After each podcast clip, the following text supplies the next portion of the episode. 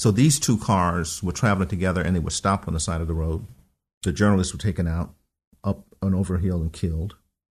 The drivers were sent back to the Taliban to tell the rest of us Taliban is still here.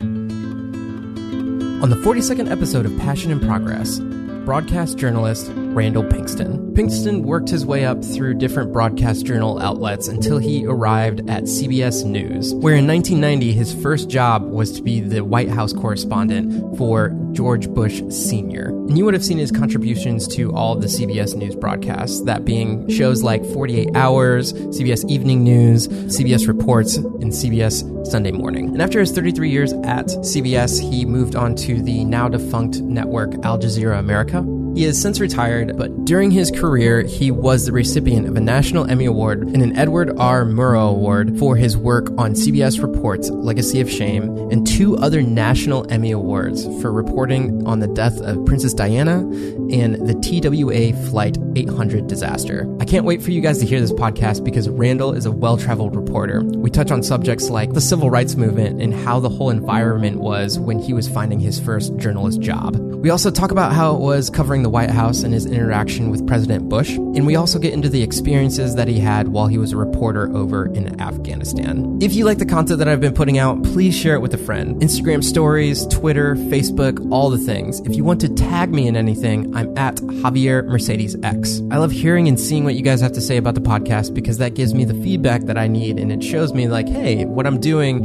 is worth it and you guys are getting value from this show. Because that's what it's all about. And speaking of feedback, if you guys are listening to this podcast on the iTunes app, if you could please leave me a review. That is also a place that lets me know how my show is doing. One last thing, and I can't stress this enough. Thank you so much to my patrons that are supporting me and this podcast through Patreon. It literally means the world to me that you guys want to support me in what I'm doing that way. If you are interested in supporting the podcast through Patreon, it is www.patreon.com forward slash Javier Mercedes. That's J A V I E R Mercedes, just like the car. With all that being said, let's go ahead and hop into the 42nd episode of Passion in Progress with broadcast journalist Randall Pinkston. What is up, Mercedes? Javier Mercedes here for yet again another Passion in Progress show where we interview inspiring individuals and hopefully through hearing their stories, you too are motivated to go out and pursue your passions. Today, my brother-in-law is throwing me into the deep end because he has me interviewing all of these like award-winning journalists, people that are far superior at interviewing. I love flipping the table. The man in front of me has uh, over 33 years, three months, and three days made 7,700 pieces of content for CBS News. I know there's no way we're going to get to everything throughout your lifetime, but thank you so much for this interview, Randall Pinkston. Well, you're more than welcome. And of course, um, aren't you curious about that exact number of stories? I was trying to put it into perspective of uh, since I come from the YouTube realm, I'm like, there's daily vloggers and they'll daily vlog for like a year, but that's only 365 pieces of content. So let me tell you how that happened. Uh, as I was preparing to leave CBS, uh, one of my supervisors called me one day and said, Randall, how many stories have you done since you've been here? And I said, I don't know. And she said, Well, could you could you like try to figure that out and get back to me? And I'm thinking, what the? uh, so here is how it happened. So for the first 10 years of my career on West 57th Street, I worked for WCBS TV. Mm-hmm. I was a um, street reporter, you know, um, correspondent street reporter. But during those days, I cannot remember too many days where I would go into work and I didn't do something. Mm-hmm. And there were some days when I had to do two stories, sometimes even three. On Saturdays, we had a, um, once upon a time, we had a 45 minute newscast. And so you had to do two packages and a voiceover soundbite. So I was there for 10 years. Five of those years, I was working from that Saturday crazy shift so I did the multiplication for that. Every other day, you know, uh, so we got 50, what, 52 weeks in a year. So I deducted five weeks. I didn't take five weeks vacation ever, but mm-hmm. I was trying to be like on the, so I did the math for that. Then some days I also did talk shows. So I threw a little bit of that in. And then on a lot of days, I did morning news cut ins in addition to a package. So that amounted to like one, two, three pieces of content for the day. Now that's just for the 10 years at WCBS TV. Then I had another 20 years at CBS News. Mm-hmm.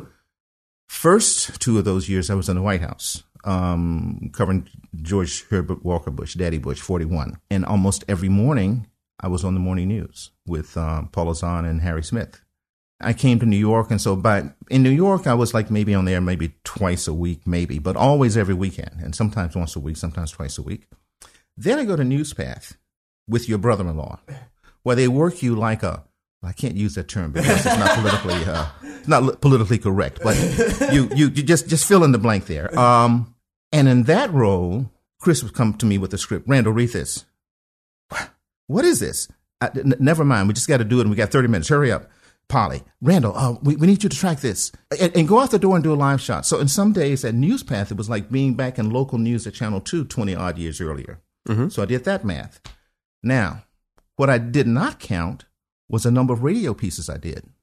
Oh my gosh. So there's a exponential amount more than that. And that was just at CBS because before working for CBS News, I worked for WFSB TV in Hartford and before that, WJXT TV in Jacksonville, and before that, WLBT in Jackson, Mississippi. And so actually, I've done a lot more than 7,000 stories, but that's a long answer to, yeah, but you can edit, you know, liberally as you, as you care to.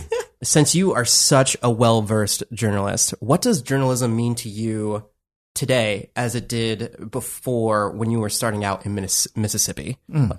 I applied for a program uh, at Columbia University Graduate School of Journalism. It was like a compressed version of their graduate school, started by Fred Friendly, the former president of CBS News, and it was intended to jumpstart the presence of minorities in news media, print and broadcast. It was only then that I began to like really think about, oh, you know, this is a way that I can help to tell some truths and maybe correct some inequities um, in terms of information. Because remember, where I grew up, there was a, a, newspaper called the Jackson Daily News. And on the front page of that newspaper was a column called Covering the Crossroads with a guy named Jimmy Ward. And during the civil rights movement, he would write every day that civil rights workers were communists, that they were outside agitators, that the colored people in Mississippi were happy with the way things were. And, and I knew, uh, as a teenager delivering newspapers, I knew all of that was a lie you know, I didn't think about becoming a journalist to try to counter it because I didn't think I could ever work for the Clarion Ledger or the Daily News or any of those outlets. On the TV station that I later worked for, they had a weekly show called the White Citizens Council. Yeah. And it was such a different time. I'm, I'm, my lifetime, not that long ago. Yeah. That's what people don't understand. Oh, that's no, it's not like the last, well, actually, it is the last century now, but it's not like 500 years ago or 200 years ago or Reconstruction. It's like in my lifetime. And these guys would get on the air and say things that were either totally false or conflated and definitely had no reference point to equality or voting rights or any of that. Remember, this is a time when black people were getting killed for trying to vote. Mm-hmm. I mean, just just not black people, and white people who were trying to help them mm-hmm. because there were a number of white people, the three civil rights workers, uh, Schwerner Goodman and, and the, and, and the black guy, uh, Chaney, Viola Liuzzo, who, who was trying to transport people. A lot of folks lost their lives in my lifetime just trying to vote. And the news organizations in my hometown, in my home state, were not trying to help open up equality and freedom and opportunity. They were suppressing it. So, flash forward, lawsuits happen, license challenges happen. I'm seeing the value of maybe becoming a journalist and trying to do my little part to continue this long path to um, democratize information. That's that's my terminology now. Of course, I didn't think about it in that quite kind of in that kind of construct at the time, but but but that's what I saw then. You know, um, when I was starting out. Today, it is more necessary than ever. Uh, I, I, I, watch. I'm a consumer now. I'm not working anymore, but um, I'm glad to see my colleagues holding political office holders' feet to the fire, and not just the presidents. I mean, all of them, because they all have a responsibility. Democrats and Republicans, independents, conservatives, liberals, whatever you want to call it, everybody has a responsibility to try to do something to right size this ship of state. Going back to where when you did start to uh, anchor and things of that nature, can you talk about uh, the very first job? Was it at um, WLBT? Actually, the very first job was at WESU FM in the basement of Clark Hall in Middletown, Connecticut. It was a campus station. Um, it was student run. The the radio station at that point was just going through the um, phone wires, the um, util- um, electrical wires. You know, you could plug in and, and hear it. But then they got a twenty thousand watt transmitter. The the school, Wait, so they would transmit through a phone? yeah, through through the electrical wires. I don't know how how it worked. I have no idea. But that's that's how you could hear the radio for, for on campus until they got the, the transmitter. Oh, so it's like an internal system. Okay, Yes. Okay. Okay. Yes. Yes. It was an internal system, but it was a microwave. I have no idea how, Yeah, that yeah, how it worked. But anyway, so when I got there, they were building the FM station and they were looking for people to fill the time because they were going to be on the air. The plan was 18 hours a day. And we started a little show called Soul Session. And we uh, played R&B music and we had to read um, the news and weather once an hour. Uh, we had uh, a little short something called Metro Media News, and then we would do our little local thing. My friend and I took Polaroid pictures and sent them home. My dad showed the picture to his minister. I did not know this at the time, but my minister had been recruited by WLBT to be on an advisory board uh, to bring young black people in for job training because the station was facing a license challenge because they didn't have any black people on air and it had used this white citizens council as its public affairs show and it never let black folks do anything. And the one that they they finally let Medgar Evers make a speech and a month later he was killed that's the station where on on the air? no no not on the air um, shot in his driveway No, no, no. I meant the speech was on air. yeah. And he had had to write letters from about eight years f- to get permission for that one, the one and only time they let him on air. But because of his activism, that I think attracted the attention of the United Church of Christ Office of Communication, Reverend Everett Parker, who was a visionary. They used that station as a template to demand that all broadcast operations serve everybody. Public interest, convenience, and necessity meant all of the public, including people of color. And so I was recruited as one of the early trainees by my father's minister. hmm That's how that happened. So, how was it in that beginning time when you when you first started off? What was your responsibilities and what were you doing?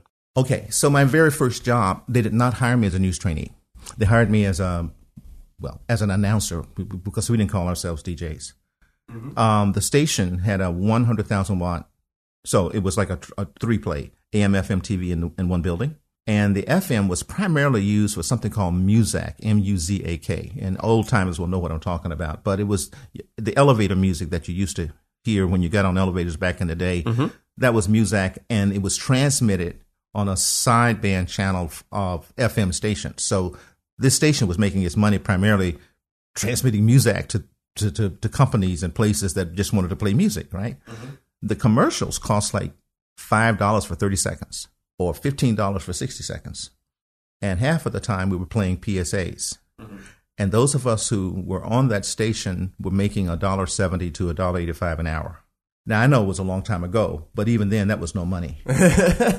um, so, so my first job was playing music, and and re- recall that at Wesleyan at WESU FM, I, I had an R and B show, and you know I was into you know the Temptations, the Impressions, Charles Lloyd, that the jazz and R and B riff.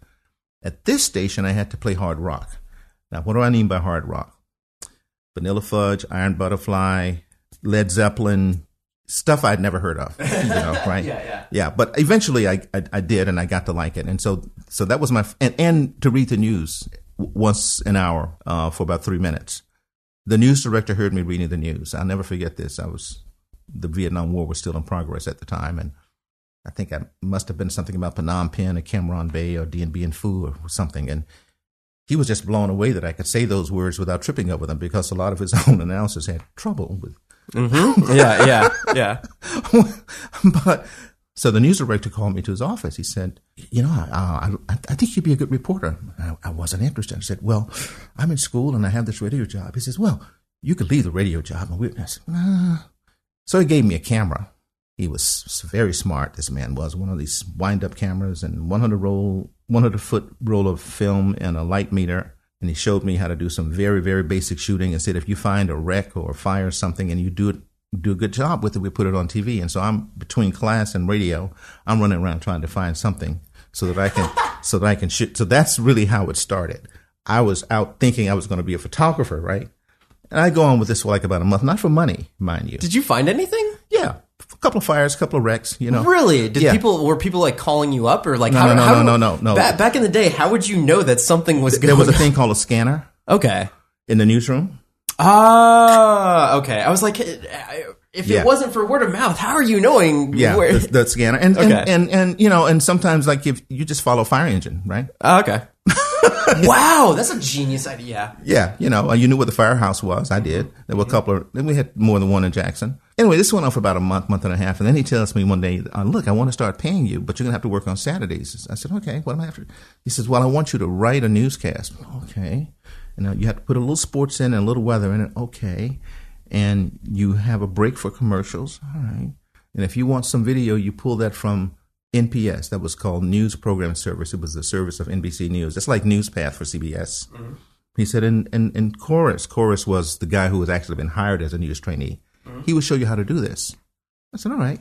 I said, who's going to read it? He said, you are. I said, uh, I, I don't want to be on TV. He said, look, it's, it's, it's the same thing as being on radio. You just have to look up every now and then. so my very first job in TV news was writing, producing, and anchoring a 15 minute newscast on Saturday nights. Bam. Uh, how was it your first few broadcasts? I was poof, horrible. not not not just the first few broadcasts, but for like the first couple of years. it Oh, was man. it was like it was. This is before teleprompter. It was just just you on the camera, and if you had some video, they roll the video, and it's back to you on the camera, and so you got this script, and you're like you know you're either doing the duck or you're doing the up and down like that, right? And and and that was it. I'm so glad that none of that stuff was taped. How and when did you move up to Oh. CBS? I sent letters and resumes and still frames to news directors. A still frame is a length of film with leader on either end of it mm-hmm. that you have to put in a film chain and a, and a, and a projector to be able to see it clearly. I thought that if a news director took the time to find a projector to put it in there to see what I look like, that he would remember me. And I know this is crazy, right? Because mm-hmm. you really should have been sending a glossy, and I had, I could have sent some black and white glossies because I could have done that, but I couldn't send my work product because this is before digital. This is before VHS, beta, one inch tape. In those days, videotapes were two inches thick. They were called quad tapes, and 15 minutes of a quad tape cost $200. Oh, wow. I was not making that much money at Channel Three, even doing the six o'clock news. I think my first salary was six hundred a month. Mm-hmm. But I couldn't afford the tape. So anyway, but so some of these new directors, when they thought, "Who is this crazy kid from Mississippi sending me a still frame?" They took, and because then I would follow up with a phone call. Did you get my letter? Did you get my resume? Did you get my still frame? Yeah, but I want to see your work. Well, uh, can you send me a tape and I'll put my work on it? So that's how I got tape. So the news directors, several of them, sent me tape to put excerpts of the shows that I anchored and some of the stories that I had done, the field reports. And I would send it back to them and then they would send me the tape back. So I accumulated a lot of tapes, but just by asking for tapes. That's Uh, interesting. That, yeah, it was it was crazy that to do it like that, but that's how I did it. But in any event, so there was this news director in um, Washington D.C. because I really really wanted to work in Washington, and he called me up, and I was so thrilled when he said, um, "This is Jim Snyder at WTOP." Oh, Mr. Snyder. Yes, he says. Well, don't get excited. You're not ready for Washington. but we have a television station in Jacksonville, Florida. Would you be interested?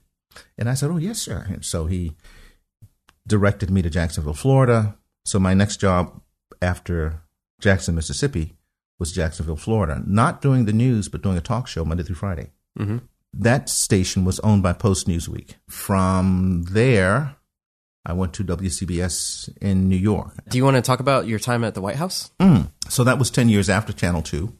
So most news organizations have more than one White House correspondent. Mm-hmm. There's the one who does the, the, the premier or the senior White House correspondent who does the news stories for the most important newscasts. This is the way it used to be back in the day, and not so much on cable now. And then there's another White House correspondent who does this, the, the other shows, morning news, for example. Mm-hmm.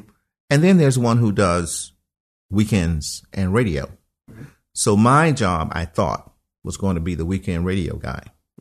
But when I got to the White House, uh, Lesley Stahl was like just a few months from, from starting 60 Minutes. And so she wasn't really there. So the guy who was doing morning news, Wyatt Andrews, mm, basically replaced Leslie. Mm-hmm. And I replaced Wyatt doing morning news. So instead of just being on the air once or twice a week and doing radio, was just what I thought was going to happen, I was on the air every day.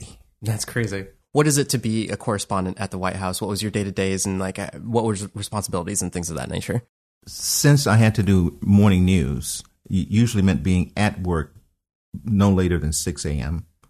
Or, or maybe even a little earlier, uh, just in case I had to retrack something that we had done the night before. Um, Marlin Fitzwater, who was the press secretary at the time, would usually get to work before seven, and you would um, go to his office, and he wouldn't do this on camera, but if there were little tidbits, something in the news that had happened overnight, or somebody had broken a story, he would perhaps give you an indication of whether it was true or false or no comment.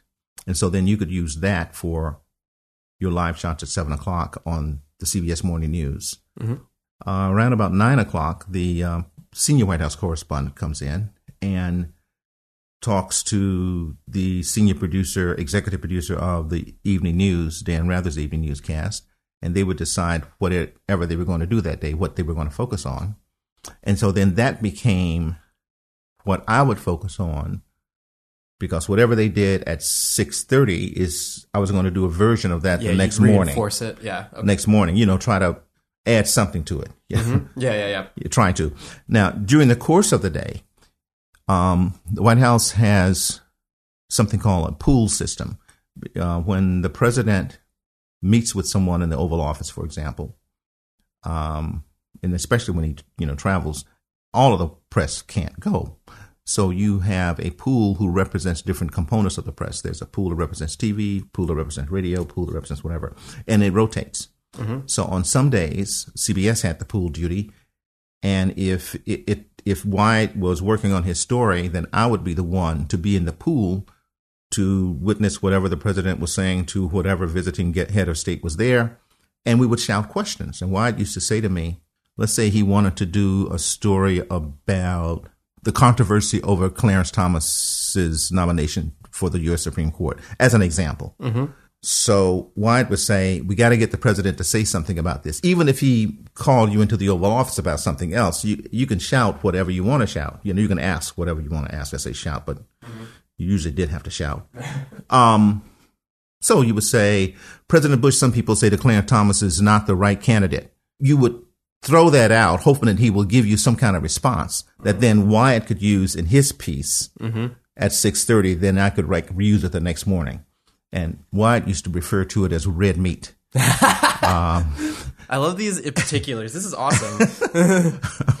So, Randall, I need some red meat. You got to get him to say something. Got to get him to say something. And, and the same thing, like when he's going to the helicopter or, or coming off the helicopter on the South Lawn, or um, yeah, and that and those weren't the only sources of of information because Wyatt is working the phones, and you know, you you got sources all over the place, but the source who counts the is the president. You know, the, that's that's the sound you want. You know, when you get through with the critics and the experts and the analysts, you want the man to be somewhere in your piece saying something. And then, of course, there's the, the, the daily press conference, which apparently is no longer the daily press conference under the current press secretary.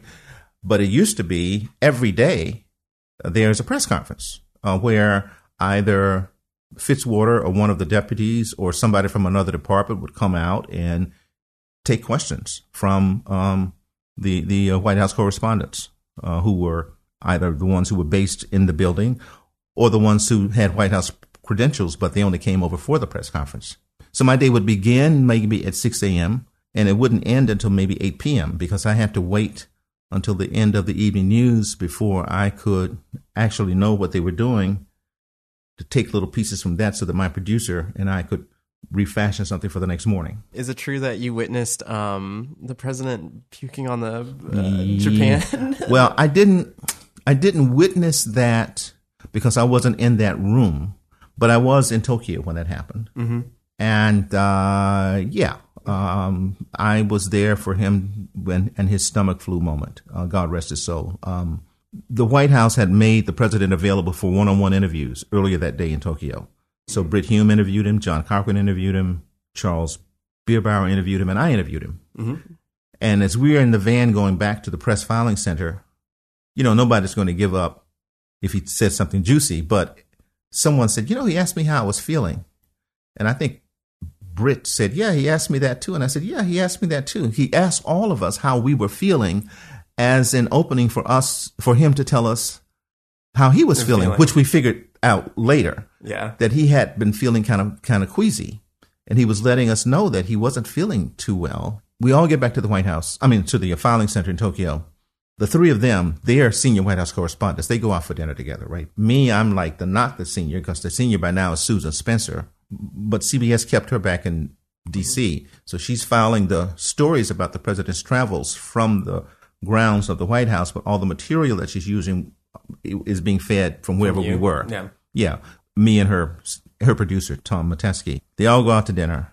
I stay in the press filing center because, you know, that's the, the, the, the dinner was going on in the palace and I'm just trying to get a leg up on what I got to do the next day. And, and the time differences are crazy, right? You, you really don't sleep because you, mm-hmm. are dealing with a New York clock, but you're in Tokyo. Mary Madeline, who was a correspondent for CNN, had pool duty that day. And I will never forget, we are in the press filing center, and Mary Madeline calls in to tell everybody something's going on, but I don't know what it is. She said, There's something going on. And, and the press, had, they weren't on the floor with the president. They were like, it seemed to me from the camera positions, they were in a balcony overlooking. I don't know physically where Mary was when she noticed this, but she called it in. Mm-hmm. And this was like maybe an hour or so before we actually knew that there was a problem. Meanwhile, one of the um, Gene Gibbons from Reuters, I think, I think Gene worked for Reuters or AP. I love how specific you are with every single person. like well, you want to get every single name and place and thing. Uh, yeah, it's a reporter's thing. You know, mm-hmm. we, we try to be accurate, and we really do try to be accurate people. We don't make stuff up. Okay, mm-hmm. if I we have made mistakes, but they're not deliberate. Certainly. Not. Anyway, so if I got the name wrong, I apologize in advance. But anyway, but I think it was Gene Gibbons who came over to me and he said, Randall, um, you saw President Bush today, right? I said, Yeah. I said, What do you ask? He says, Well, one of our local Reuters reporters, I guess one of the Japanese um, uh, residents who work for Reuters in Tokyo, called us to tell us that he saw what appeared to him to be a medic going into the men's room with President Bush. I said, Oh, that's interesting. I didn't tell Gene sorry, Gene, that he had asked all of us how we were feeling. I didn't, I didn't say that. I just kind of like filed that back. I said, okay.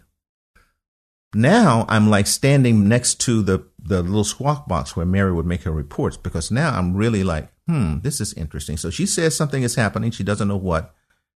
Gibbon says somebody sees a medic going into the men's room, but not really sure if it's a medic or a doctor and not really sure why. And then the president came out. So the next thing that happens is Mary says they're putting all of the press out of the dining hall. And we think something is happening with President Bush, but we don't know what it is because they won't they won't let us stay. We can't see him.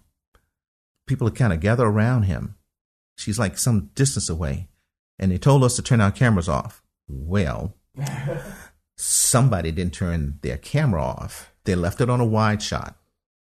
And that is a video that you see of President Bush slumping over like that. Mm-hmm. But it's not clear because it wasn't lit. It was a huge distance away. I think they were using a telephoto. I don't know what kind of lens they were using, but mm-hmm. that's, and there was nobody behind the camera. They just left it rolling and told our Tokyo affiliate, um, you know, record whatever you see because we're not going to be there. We're just going to leave it up, leave it on, tape the little red dot in front of the camera so that nobody would know that it was on. you have all the tricks of the trade. Well, I'm just assuming that that's what they did because if one of the one of the government people had seen the red light, light on, they probably would have come up and turned it off themselves, right? Mm-hmm.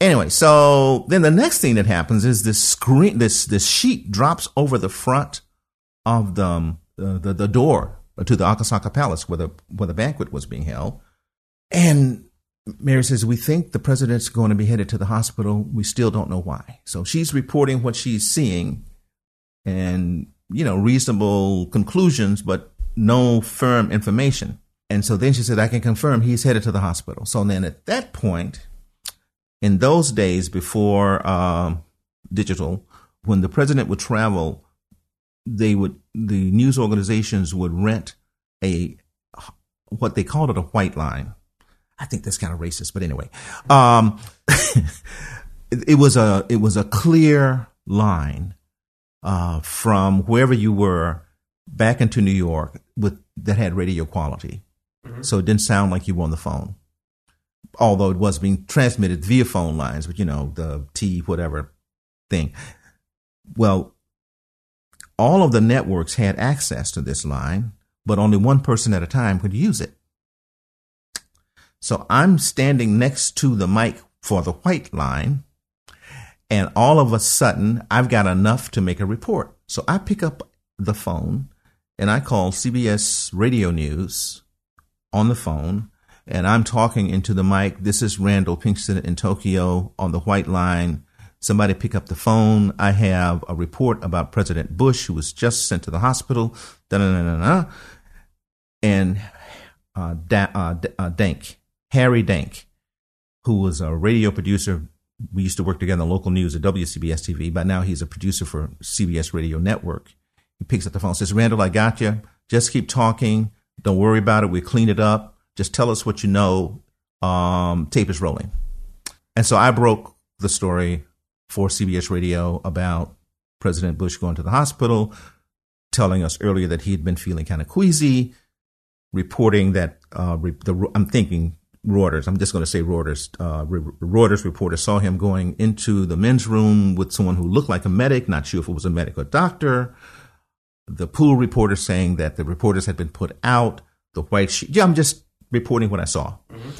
And at that point, my um, morning news producer, Clem Taylor, God rest his soul, came to the filing center because now they're looking for me. Comes says, "We need you on camera." That's the other thing. So, as a cost saving thing, um, for these trips, the networks had agreed to share camera and satellite time so that NBC, I think, would provide the camera, some other network would provide the satellite, and then you rotate. Mm-hmm. Well, the camera was set up in a lovely garden with a waterfall behind us. The NBC personnel were on the camera that was being fed into all of the network transmission feed points. Yeah, yeah, yeah. And one of the NBC guys says, wait a minute, Randall, um, I think they want us to move the camera. I said, who wants you to move the camera? He says, well, my producer says Brit Hume wants to move the camera closer to the office because Brit had his own space. ABC had their own space. CBS had our own space. We all had our own little space. I said, well, I don't think you can move the camera without the pool producers voting on it. I said, let's call all of them first. He says, yeah, you're right. So he got my producer, NBC producer, and ABC producer, CNN producer on the line. I think CNN was part of it. And they all voted to let the camera stay where it was. Of course, Brit was rather ticked about that. But I had the camera. and it turned out that on that day, CBS had bought the bird. That is to say, the satellite. Mm-hmm. And so we had one camera and we owned the bird. And we didn't have to give anybody a piece of the bird unless we wanted to. And certainly we had first dibs on the bird. And so we kept the bird probably for the first 15 minutes. And so everybody else had to do their filing on the phone with the video that had been fed back mm-hmm. from Akasaka Palace. Now I'm being talked to in my ear from New York. So New York can see what's going on, but I can't. And so they're describing to me what they're rolling. And I'm t- I'm reporting on what you on think what they're they on what they are telling me they're rolling, right? Along with what I what I what I know. I'm you know I'm reporting what I what I know and what they're telling me that they what they're rolling on, and then one of them says, "Wait a minute, I think Mrs. Bush is coming to the mic." And that instant, I thought, "Oh my, now that's very interesting." So if President Bush is in the hospital, and Mrs. Bush, God rest her soul, is back at the palace, there that's interesting because it means either he's not really that bad off because he was really like you know in in, in a horrible way. Mm-hmm. I don't think she would have left his bedside. I don't think he would have been able to pull her away. On the other hand, someone must have figured out that the mischief makers in the world would pay no attention to the vice president standing up and saying, you know, I got this. That would be Dan Quayle. They probably wouldn't really believe Marlin Fitzwater if he said everything is cool, mm, probably wouldn't believe Brent Scowcroft, the national security advisor, if he says, oh no, President Bush is fine. But if Mrs. Bush stands up mm-hmm. and says, George is okay, you know, he's just got a little stomach flu, he's, he's cool, he's fine, everybody would say, oh yeah, that's his wife. She would not be in the palace if he was really bad off. Mm-hmm. And she made a joke so you know, I when they told me that she was coming up, I, I led into it. I said, and apparently, Mrs. Bush, President Bush, we told us in the hospital, but but First Lady Barbara Bush is back at the at the banquet, and she made a little joke about uh, George played tennis earlier today with uh, the prince, and he lost. And Bushes hate to lose, and so he became a little uh, ill, something like that. You know, yeah, it's like she was just was like brilliant, mm-hmm. brilliant. Now here's something that I haven't reported anywhere. I was saving it for my book. But since we're here, I'll tell you this. So maybe five or six years ago, um, I was one of the moderators at one of the literacy programs that Mrs. Bush sponsors. Mm-hmm either that or the points of light because I, I, I, did it twice. Um, he had a points of light celebration. You know the people who do good works. And he started that while he was in the White House, and it, it has continued uh, since since then. So when I stood up there, I you know acknowledged them and, and said it had been a, an honor to, and pleasure to work in the White House uh, during his tenure. And then later, I came down to Mrs. Bush. I didn't say this on the stage. I said, Mrs. Bush, I just remember the day that you were in Japan and you calmed the temperature of the world when you told that joke about President Bush playing tennis. And she smiled. She says, Oh, yes, I remember that. She said, Randall, that was a close one. now, I, I didn't ask her what she meant by that, but I wonder if, in fact, he had been a lot worse off than we knew. I don't know. I don't know. Do you want to cover some of the stuff that you did in Afghanistan? Ah, well, so after my two years in the White House with President Bush, I thought I was going to be able to stay with President Clinton, but CBS News had another idea, and so I had to go into the general assignment pool. And so then I'm looking for stuff to do. And one of the things that I found uh, interesting and that I really, really enjoyed was occasional temporary duty foreign corresponding, uh, uh, foreign coverage as a as a as a you know drop in correspondent. So uh, I was in Haiti and I did London duty a lot. Um, Turkey earthquakes, um, earthquakes in Italy, and then along comes September 11th, and uh, no one had to go abroad, but if you wanted to, you could. So I raised my hand. I mean, I I was standing in Liberty State Park for a couple of hours watching the smoke and the embers, the explosions at the World Trade Center. And um,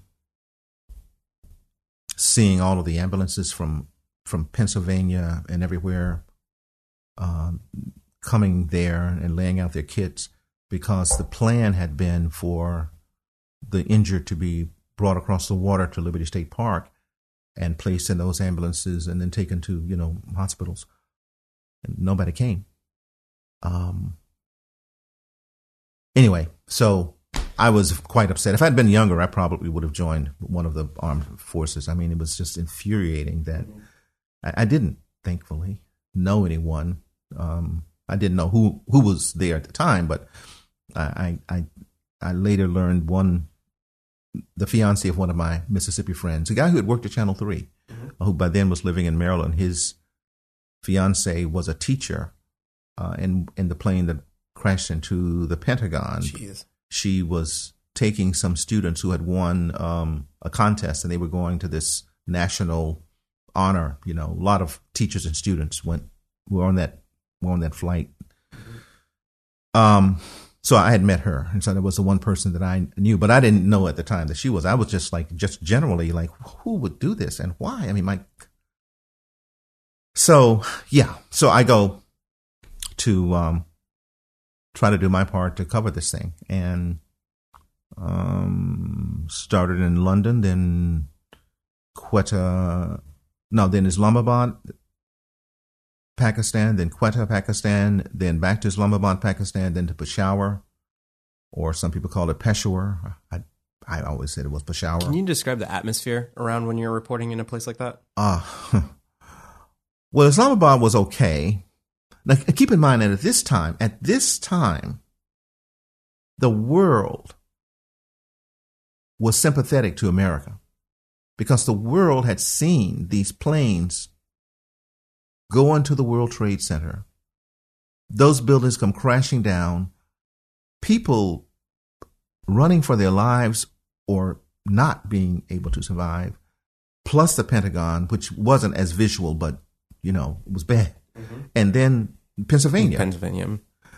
At that time, I got the sense that, you know, as we went from place to place, people were understanding and supportive of, of the mission that the U.S. was undertaking to get the people who did this thing.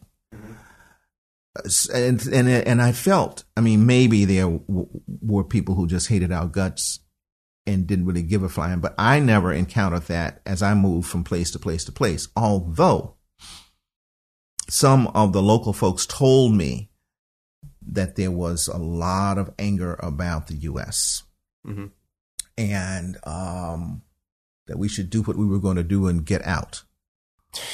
That's I remember a couple of people saying that, and as a matter of fact, there was this one demonstration. One of one of our um, sound men, people threw rocks at the at the camera crews, and and it bruised. He, he wasn't hurt badly, but he had he was bloody, and they had uh they had effigies of President Bush uh, in, in Quetta. Uh, Quetta is a town in western Pakistan, um, kind of like in a straight line onto Kandahar, Afghanistan and so you knew that everybody did not love America.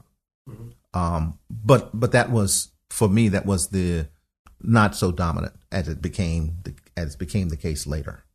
So we go into Afghanistan in a 200 vehicle convoy uh, overland through the Khyber Pass, cross the border into Jalalabad for what we later learned was a mini jirga. It was the very it was the very first election under post Al Qaeda Afghanistan. Mm-hmm.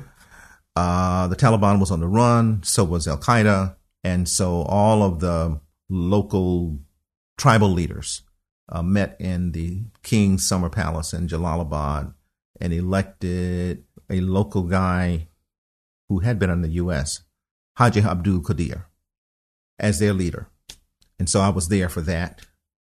And then the objective was to get to Kabul because it, it had fallen, I think, you know, the Taliban had also left Kabul. So one morning, um, a group of journalists set out from Jalalabad to get to Kabul, which should have been no more than a two hour drive. We did not go. The CBS crew didn't go because we had to wait for some gear. So we went and did a different story came back to the hotel in Jalalabad and everybody was back. And we think, well, why did everybody come back? And it turned out that four of our journalistic colleagues had been killed on the road oh to gosh. Kabul. We had talked to all of them that morning. One of them, a female journalist from, from Italy, who knew our photographer, who was also from Italy. He lived in London, but you know they're both Italian, and so she wanted to ride with us. And we said, of course, we got a big bus for sure. But her photographer wanted to leave But we said we can't go with everybody else because we got to wait for this gear. So we can't leave today, but we can go tomorrow.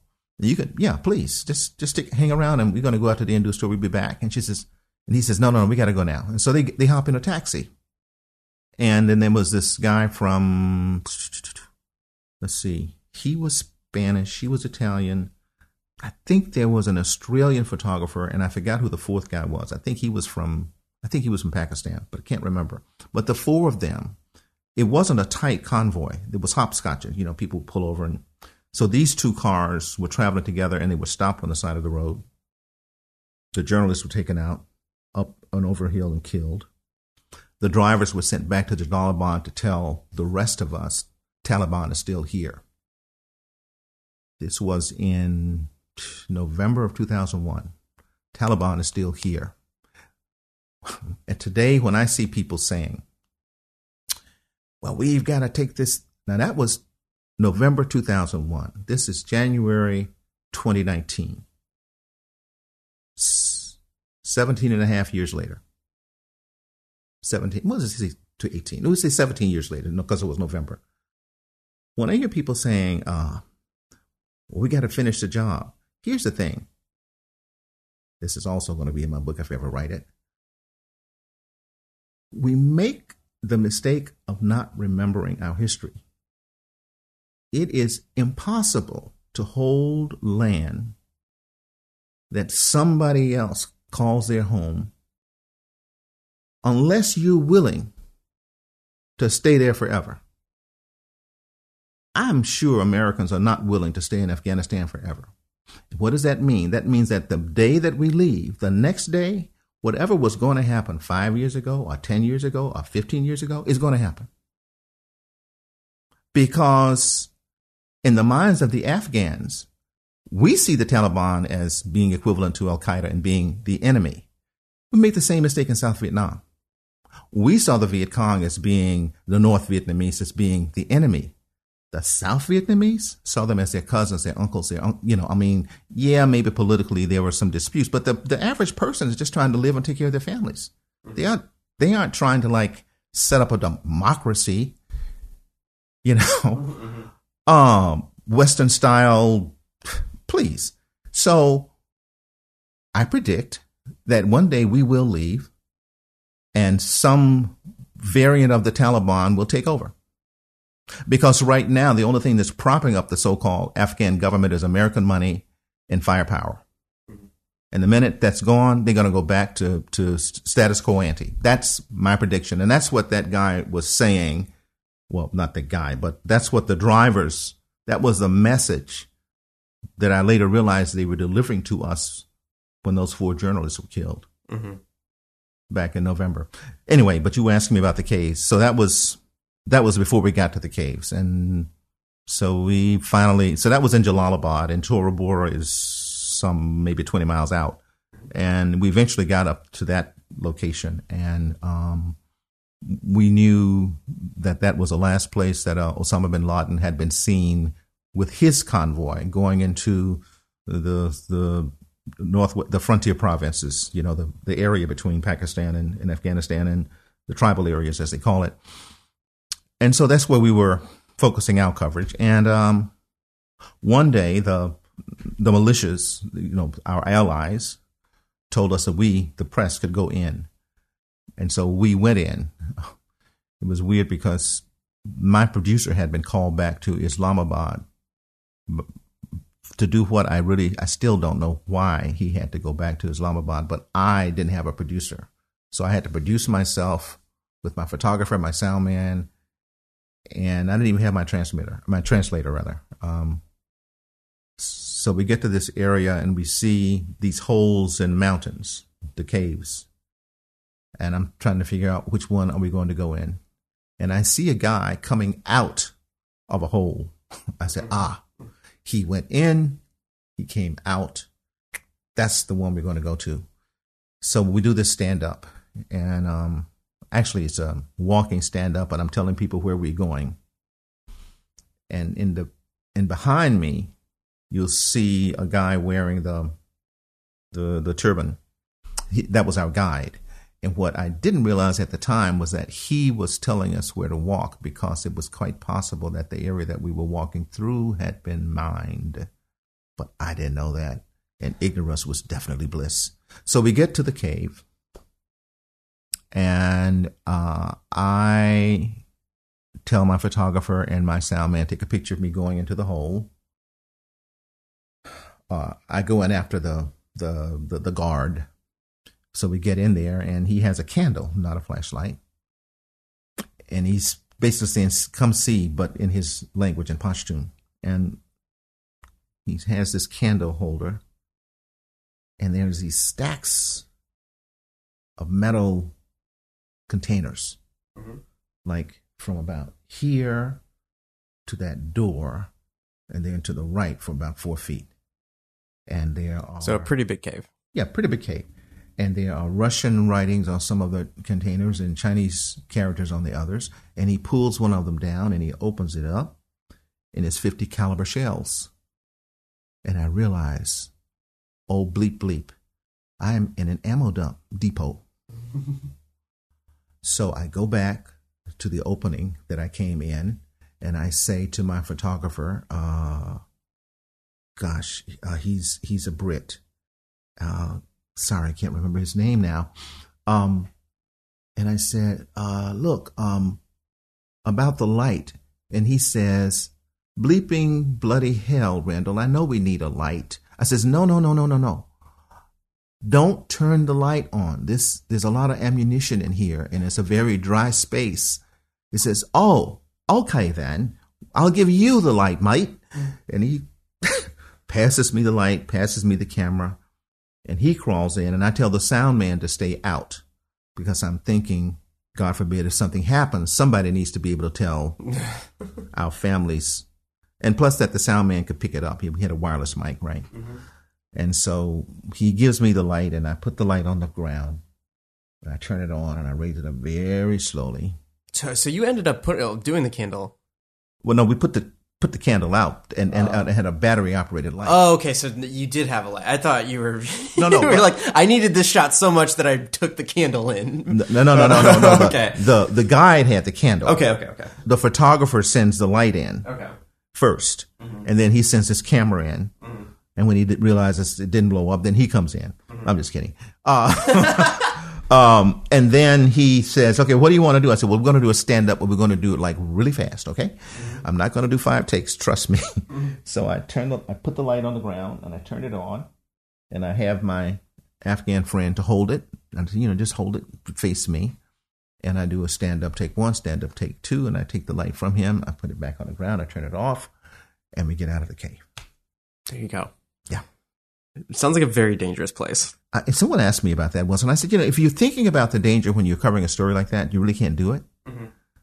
It, it, you kind of, um, it's like a focus thing. I don't know. Do you, I don't know, do you do anything that's sort of like crazy dangerous? I don't mean, maybe ski or I've skied, but it's like it's pretty slow because I'm I'm still learning how to ski. on snow? yeah, yeah, yeah. Okay, so you understand that when you're going down a hill and there are trees, hmm hmm You got to focus. yeah. You know what I'm saying? But when you're doing it, you're What not really thinking about I'm going to. It's so true. I'm not going to run into the tree. You're not thinking I'm going to run into the tree. You you- you're thinking, okay, I'm going to you know get to the bottom of the slope, and you know if there's a obstacle or something, I'm going to get around it.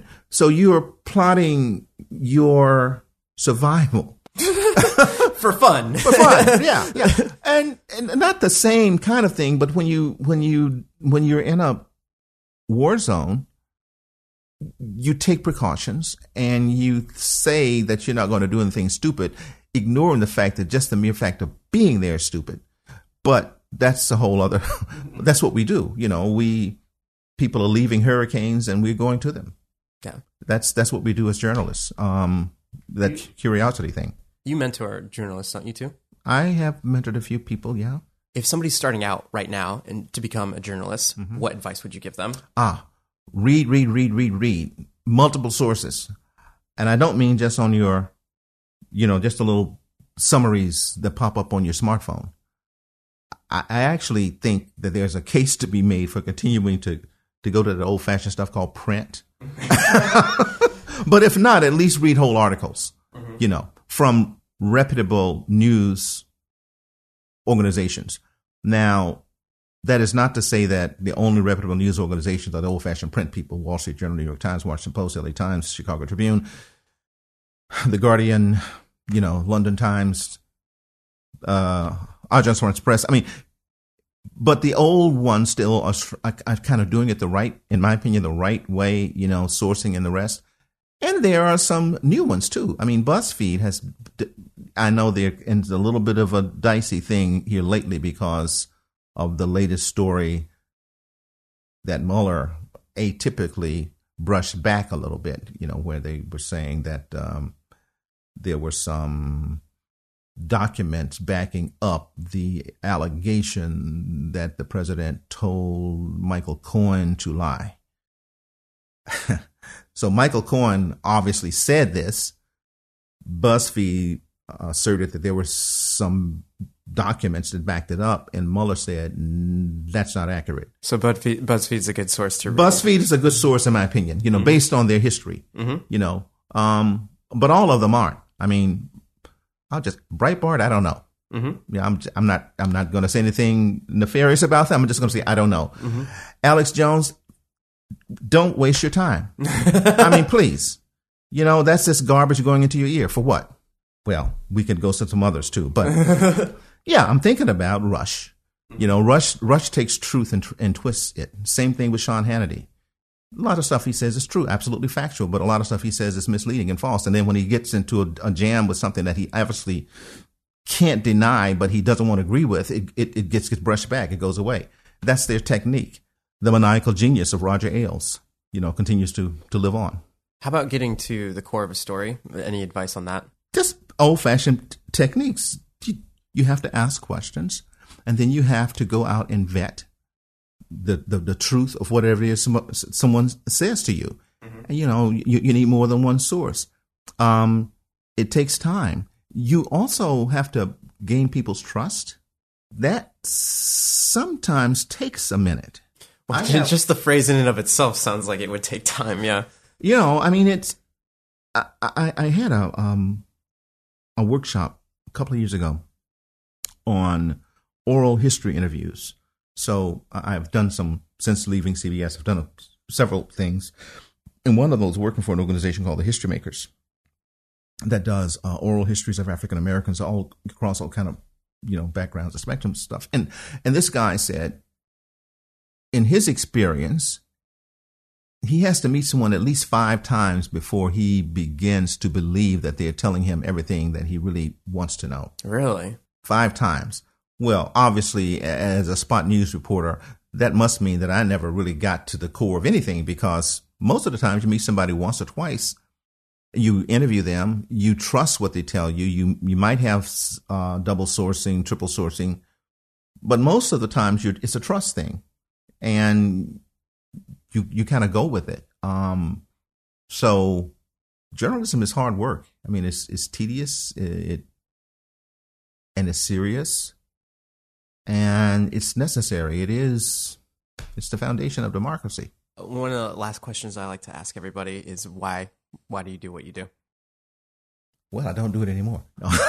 I mean, obviously I mean, you have you have yeah, such yeah. a career of it. Why why did you do what you were doing? Um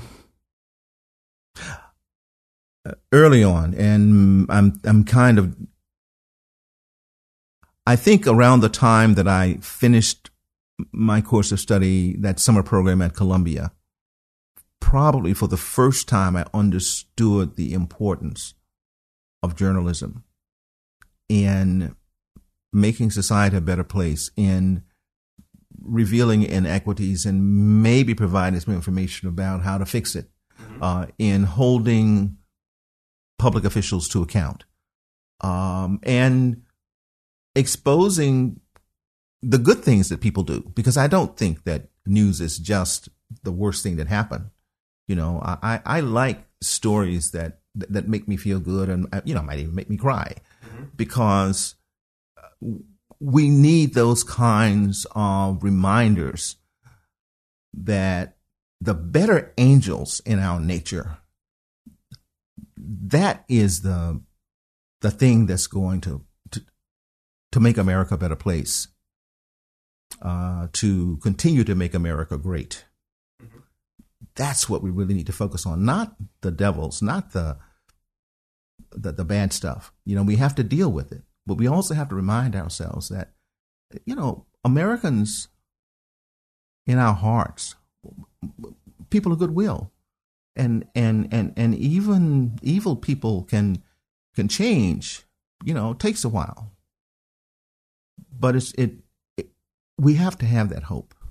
You know, what's that uh, that saying that politicians? I, I forgot who said this. Vote your hope, not your fears. Hmm. Yeah, that's awesome. Well, thank you so much. Very detailed stories. I love it. Um, where where can people find you? Pinkston Randall at Gmail, uh, Twitter at Randall Pinkston, and I'm on Facebook.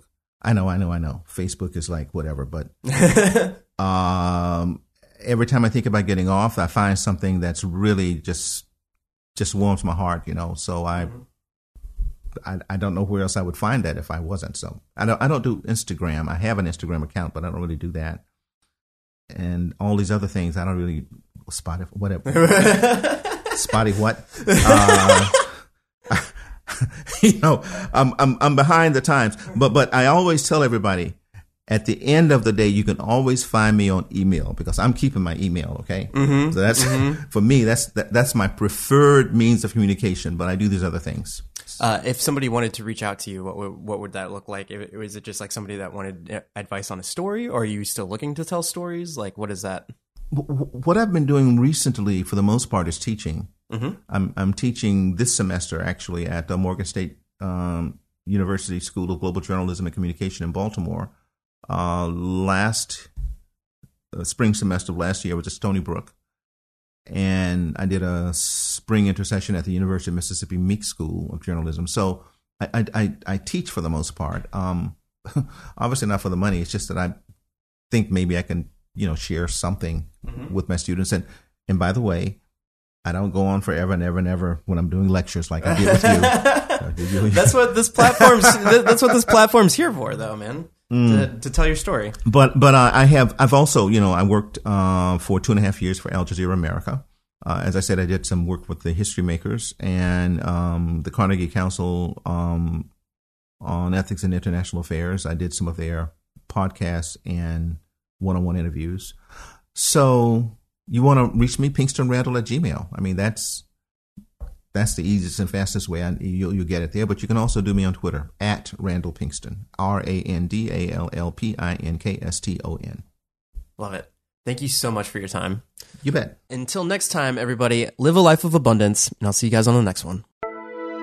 If you guys are listening to this podcast on the iTunes app, if you could please leave me a review. That is a place that lets me know how my show is doing. If you are interested in supporting the podcast through Patreon, it is www.patreon.com forward slash Javier Mercedes. That's J A V I E R Mercedes, just like the car.